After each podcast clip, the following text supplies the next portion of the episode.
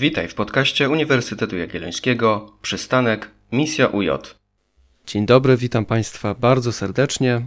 Słyszymy się w kolejnym odcinku podcastu Przystanek Misja UJ. Ja nazywam się Kamil Sikora i jestem pracownikiem biura prasowego.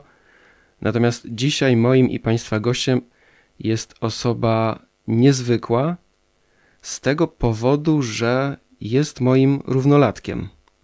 Nigdy tak swoich gości nie przedstawiałem, ale myślę, że powód ku temu jest ważny, ponieważ naszym gościem dzisiaj jest pan profesor Mateusz Hołda. Dzień dobry, panie profesorze. Dzień dobry panu, dzień dobry państwu.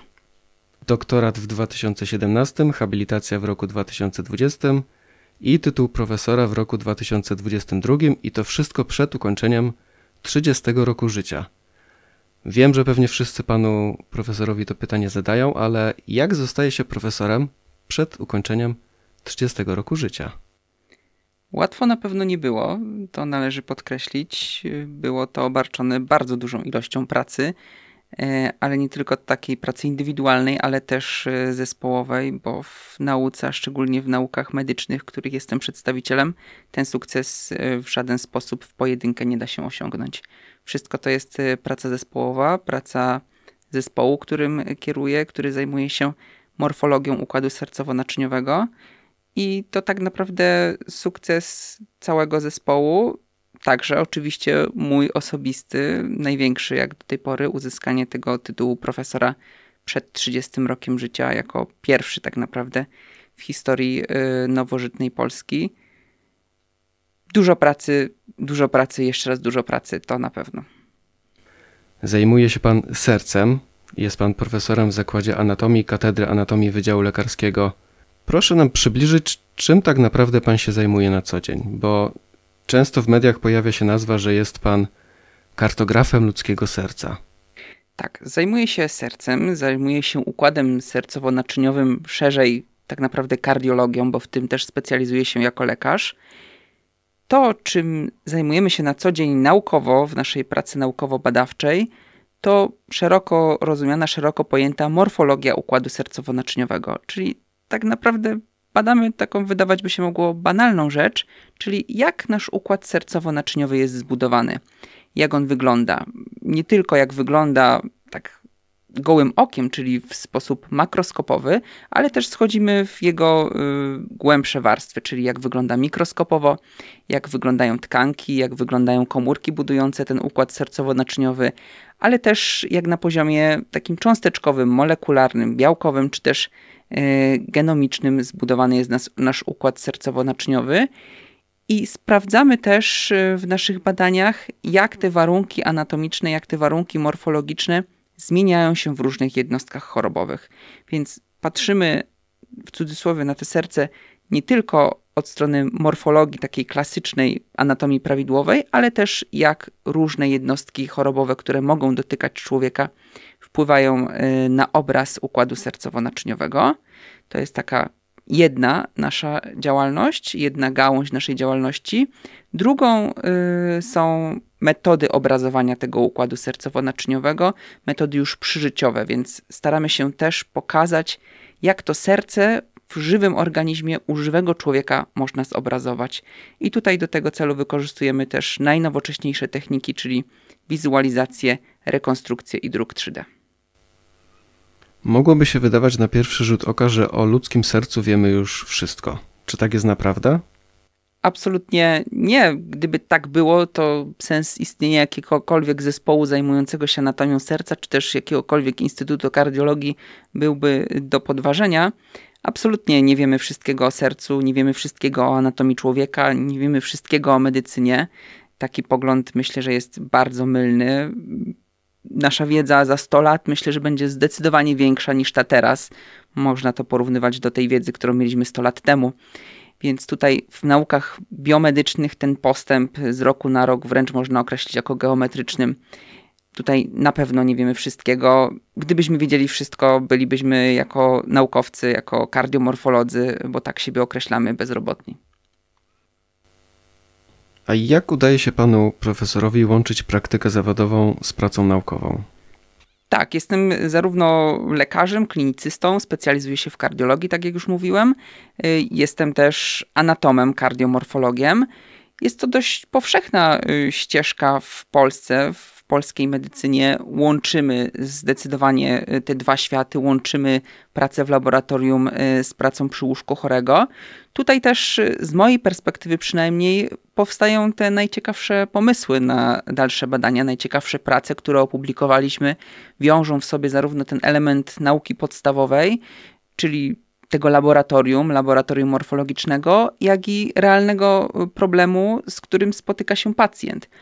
Ten taki, takie działanie translacyjne na granicy właśnie nauk klinicznych i nauk podstawowych daje najciekawsze efekty, bo to, co obserwujemy y, w laboratorium, to, co obserwujemy w naszej pracowni, możemy w łatwy sposób przełożyć na realną pomoc pacjentowi.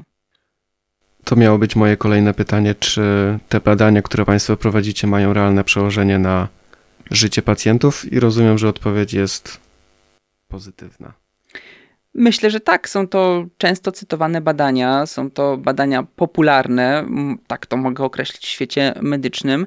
Y, I naszym celem nie jest pisanie y, artykułów po to, żeby je pisać i chować do szuflady, ale po to, żeby każdy coś wnosił. Anatomia, y, kardiomorfologia jest taką dziedziną, która tak naprawdę przydaje się każdemu kardiologowi. Wszystkie te choroby, większość tych chorób kardiologicznych, które dotykają Y, człowieka ma swoje podłoże właśnie w zaburzeniu funkcji y, bądź też budowie mięśnia sercowego. Więc zarówno kardiolog, y, taki zachowawczy, leczący pacjenta tylko i wyłącznie w sposób farmakologiczny może korzystać z naszych badań, jak i też kardiolog inwazyjny, do których to przede wszystkim kierujemy nasze wyniki badań elektrokardiolog, y, kardiolog interwencyjny, ale też radiolog, który na co dzień ocenia y, badania obrazowe mięśnia sercowego, będzie też korzystał z naszych badań, ponieważ opisują one tak naprawdę podstawy tej kardiologii, czyli to, jak serce jest zbudowane. Nie mogę nie zapytać, dlaczego serce? Dlaczego nie mózg? Dlaczego nie jakiś inny organ? To pytanie bardzo często słyszę. Ostatni raz trzy dni temu zadała mi je studentka y, podczas zajęć, i tak naprawdę nie ma odpowiedzi na to pytanie, dlaczego serce. Po prostu y, jestem zakochany w, w tym sercu. Uważam go za najważniejszy organ. Wiem, że może to zabrzmieć trochę samolubnie, ale dla mnie serce jest y, takim pierwszorzędnym organem w ludzkim ciele. To dzięki niemu tak naprawdę wszystkie organy funkcjonują. Można byłoby się spierać, y, dlaczego nie mózg, to przecież w mózgu jest y, zapisane nasze jestestwo, ale uważam, że trochę byłoby samolubnym powiedzieć, że to mózg jest najważniejszym, bo tak jakbyśmy powiedzieli, że to ja jestem najważniejszy. Więc y, absolutnie, absolutnie nie. Myślę, że jest to serce, ponieważ no, serce potrafi pracować po wyjęciu z klatki piersiowej nie potrzebuje tak naprawdę do swojego funkcjonowania żadnego innego y, organu. Wystarczy, że zapewnimy mu y, natlenowaną krew, y, bogatą w składniki odżywcze i ono dalej będzie wykonywać y, swoją robotę, dalej będzie pracowało. Dlaczego serce? No bardzo, bardzo ciężka, ciężkie pytanie. Może dlatego, że jest też tak y, skomplikowane. Jest to pełna maszyneria, nie tylko taka fizyczna, mechaniczna, bo jest to przecież mięsień, który kurczy się. Mamy zastawki, które są y, czysto tak naprawdę mechanicznymi tworami, ale mamy też do tego wszystkiego hemodynamikę, y, dynamikę cieczy, bo przecież w sercu krąży krew. Mamy też taki element elektryczny, bo jest to elektrofizjologia mięśnia sercowego, coś to serce, a więc układ bodźcotwórczo-przewodzący musi napędzać do tych regularnych skurczów y, i to wszystko musi ze sobą y, współgrać co do dziesiątych milisekund tak naprawdę. Więc no, to jest takie drugie fascynujące oblicze tego serca, że jest ono tak skomplikowane. Y, po trzecie, może też dlatego, że jest to tak bardzo w kulturze osadzony organ.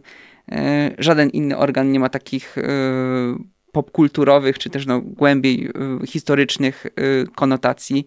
Nikt nie pisze wierszy o śledzionie na przykład. Wszyscy piszą wiersze i śpiewają piosenki o sercu, więc no, jest to bardzo pociągający fascynujący, można powiedzieć, nawet sexy organ, dlatego się nim zająłem. Jakieś kilka miesięcy temu w media obiegła informacja, że pański zespół odkrył przyczynę udaru. Media troszkę y, sprawy uprościły, natomiast chciałbym zapytać w tym kontekście o tym mm, odkryciu, jakim było odkrycie kieszonki przegrodowej jako patogenezy udaru w mózgu.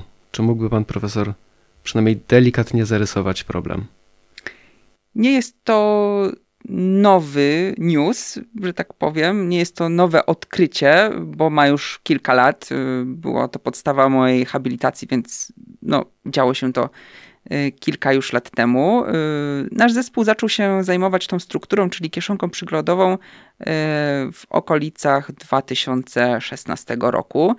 E, trafiliśmy na artykuł, e, w którym to badacze z e, Uniwersytetu w Kalifornii opisali nową strukturę w przegrodzie międzyprzysionkowej. Taki mały zachyłek, kieszonkę właśnie jak my ją po polsku nazwaliśmy, bo nie było polskiego odpowiednika terminologii angielskiej używanej przez ten zespół. I ta kieszonka występuje zarówno po lewej, jak i prawej stronie przegrody, która oddziela u nas dwa przedsionki.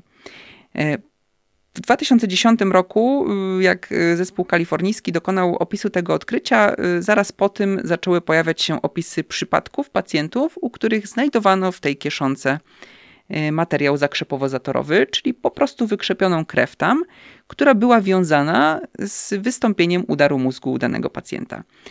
Połączyliśmy te dwa fakty i stwierdziliśmy, że zajmiemy się na poważnie tą strukturą. Jest jakaś nisza, którą y, można y, szybko wypełnić i być może coś ciekawego odkryć. I tak też przeprowadziliśmy y, serię badań, najpierw na preparatach anatomicznych. Zbadaliśmy, jak często ta kieszonka występuje, y, czym ona tak naprawdę jest, jak powstaje, w których grupach wiekowych jest najczęstsza, jak wygląda od strony histologicznej. I stwierdziliśmy, że taka kieszonka jest po prostu kolejnym prawidłowym wariantem budowy y, przegrody międzyprzedsionkowej. Występuje po lewej stronie tej przegrody u 50% populacji więc jest to tak naprawdę najszerzej występujący wariant budowy tej przegrody. Później chcieliśmy określić, czy faktycznie występowanie tej kieszonki przegrodowej y, po lewej stronie y, przegrody międzyprzedsionkowej może być powiązane z występowaniem udaru mózgu, czy jest po prostu czynnikiem ryzyka wystąpienia tej choroby. I korzystając y, właśnie z pacjentów, korzystając z badań obrazowych u tych pacjentów, korzystając z tomografii komputerowej i z echokardiografii przezprzełykowej w grupie pacjentów z udarem rozpoznanym kryptogennym mózgu, czyli takim, y, w którym nie dało się stwierdzić bezpośredniej przyczyny wystąpienia tego udaru, i porównując tu y, tą sytuację do osób zdrowych, odkryliśmy, że ta kieszonka przegrodowa istotnie statystycznie częściej występuje właśnie w tej populacji młodych dorosłych, u których wystąpił kryptogenny udar mózgu. Powiązaliśmy te y, dwie sprawy, no i tak doszło do tego odkrycia y, wielkiego, które media po czterech latach od publikacji y, artykułu zaczęły się zajmować. Na końcu chciałbym zapytać, jakie plany zawodowe ma pan profesor i i zespół pana profesora na najbliższe lata? Planów jest y, bardzo dużo. Wciąż badamy serce, wciąż ma bardzo dużo y, nam jeszcze do powiedzenia. Y, realizujemy kilka grantów. Są to granty zarówno studenckie, granty doktorantów, jak i granty Narodowego Centrum Nauki, czy też Narodowego Centrum Badań i Rozwoju. Teraz na przykład będziemy chcieli zajmować się obecnością mikroplastiku w tętnicach wieńcowych i na terenie układu sercowo-naczyniowego. Chcemy w ogóle sprawdzić, czy ten mikroplastik tam występuje. Jest to projekt jednego z moich doktorantów. Chcemy także zbadać na przykład yy, niewydolność serca i jak ta niewydolność serca wpływa na układ bodźcotwórczo-przewodzący, a konkretnie na jeden z jego elementów, czyli węzeł przedsionkowo-komorowy, ten, który yy, jest ważną osią w przewodnictwie, w generowaniu impulsów. Czy niewydolność serca wpływa y, na jego morfologię, wpływa na jego też profil białkowy i profil genomiczny. Mamy no, kilkadziesiąt też mniejszych, różnych projektów. Y, tak naprawdę y, co tydzień, co dwa tygodnie powstaje jakaś kolejna praca z tego tematu. Zespół jest duży, zespół cały czas pragnie się rozwijać, więc mam nadzieję, że tych tematów nam nie zabraknie, bo serce jest naprawdę hojne, jeśli chodzi o taką kopalnię naukowej nowej wiedzy. Dziękuję bardzo za rozmowę. Moim i Państwa gościem był pan profesor, doktor habilitowany Mateusz Hołda z Katedry Anatomii Wydziału Lekarskiego. Dziękuję bardzo za rozmowę. Dziękuję serdecznie. Dobra.